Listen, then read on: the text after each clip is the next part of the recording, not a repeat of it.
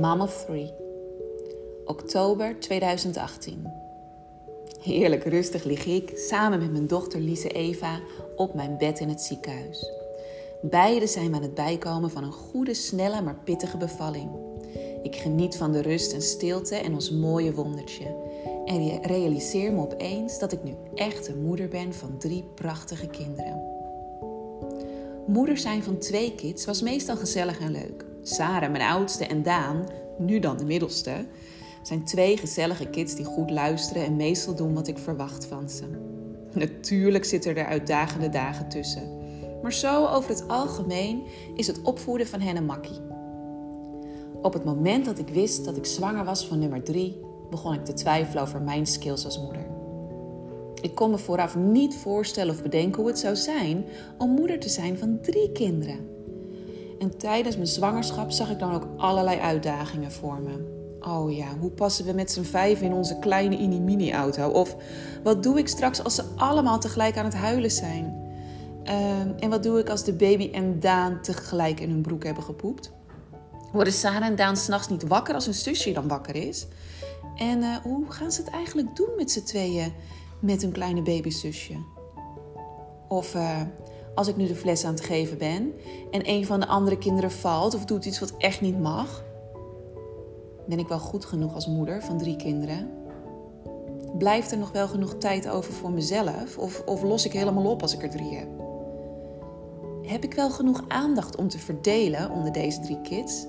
Wel genoeg tijd en liefde en energie en, en zo? En zal ik wel genoeg houden, net zoveel houden eigenlijk, als dat ik van Sarah en Daan hou, als van deze derde? En wanneer is er nou tijd voor Hans en mij? Kan onze relatie dit wel aan? Nou ja, een heleboel twijfels en angsten. En dit is nog maar een klein rijtje van wat ik dacht. Deze angsten en twijfels werden ook nog eens gevoed door al die hormonen die in mijn lijf zaten. Ik kon dingen super groot maken in mijn hoofd. Ook zag ik in die periode regelmatig moeders met drie kinderen natuurlijk, waar het altijd chaos was. Een schreeuwende moeder, jankende kinderen. Die moeder zag eruit alsof ze jaren niet had geslapen. Of het was een moeder die alleen maar ruzie had met haar man. Nou ja, al dat soort doemscenario's zag ik natuurlijk. En op dit soort momenten dat ik begon te twijfelen en eigenlijk soms zelfs een beetje bang werd voor de toekomst, keek ik terug naar mijn jeugd. Naar hoe mijn moeder en mijn vader niet te vergeten het hebben gedaan als moeder, als ouders van vijf kinderen. Ja, echt vijf kinderen. Ik kom uit een gezin van vijf kids. Je leest het, je hoort het goed. Weet je, ik had het heel fijn als oudste dochter. En er is me eigenlijk nooit iets tekort gekomen in aandacht of andere behoeften. Hoe prettig het vroeger was met zoveel gezelligheid in huis. En hoe gezellig nu de feestjes zijn, na corona dan wel. Nu we met z'n allen broers en zussen en aanhang bij elkaar zijn. Het is altijd druk en leuk. De avonden, dat weet ik ook nog, dat ik uit de kledingkast van mijn zus een leuk shirtje vond om me aan te trekken voor het stappen. Of toen we kleiner waren, dat we samen gezellig buiten konden spelen. De avonden op de camping waar we met z'n allen aan het kaarten waren.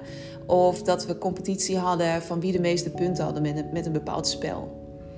En hoe we elkaar konden helpen op school en met huiswerk. Maar ook vond ik het heel leuk om mijn moeder te mogen helpen toen mijn broertje en mijn zusje nog een baby waren. En later, toen ze groter waren en ik op de pabo zat, kon ik ze voorlezen of een knutsel met ze uitproberen. En op het moment dat ik uit huis ging, kwamen ze bij me logeren.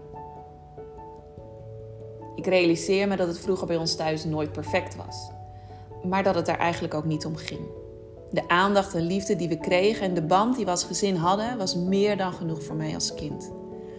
Ik heb eigenlijk niets gemerkt of gezien dat mijn ouders even niet wisten hoe ze iets moesten aanpakken. Bijvoorbeeld met opvoeden of als ze het gevoel hadden van opgeven.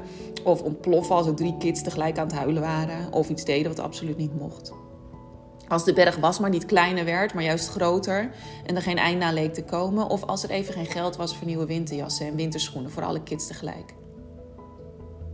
Weet je, nu Lies er is, valt het eigenlijk allemaal wel mee. Elke dag heeft momenten om van te genieten. En kan ik ook nog wel positief terugkijken op leuke dingetjes. Ik ben gelukkig geen slechte moeder zoals ik me vooraf had bedacht. En alle problemen die ik me vooraf had bedacht en in mijn hoofd had gestopt, bestaan eigenlijk niet echt of zijn niet zo erg. De moederkwaliteiten die ik gebruikte voor Sarah en Daan, zet ik nu ook in voor Lise. En de uitdagingen die ik tegenkom, kan ik samen met mijn man oplossen. Op een fijne manier die fijn is voor ons gezin. Sarah en Daan genieten van hun zusje. Ze zijn eigenlijk super trots. En ze zijn mijn grote hulp. Sarah helpt met het geven van de fles en Daan pakt regelmatig een schone luier of komt zijn zus een knuffel geven. Als Lise slaapt, heb ik extra tijd voor Sarah en Daan. En s'avonds, als ze allemaal op tijd in hun bedje liggen, kan ik iets doen waar ik zelf van kan opladen. Lekker kopje koffie bij kaarslicht of een stukje chocola met een boek om te lezen. Mijn man en ik genieten samen van een wijntje. Of als we in de auto zitten en alle kids heerlijk liggen te slapen, kletsen wij lekker even bij. Of lachen we om bijvoorbeeld een opvoedblunder. De liefde die ik heb voor Sarah en Daan is net zoveel als voor Lise. Het blijft toch bijzonder hoe die liefde er opeens is zonder dat Lise daar iets speciaals voor heeft gedaan. Ik hoop, eigenlijk weet ik het al een beetje, dat als Hans en ik samen oud zijn en we op ons balkonnetje zitten met een wijntje te genieten in de zon en onze drie kids uit huis zijn, misschien zelf al met hun gezin.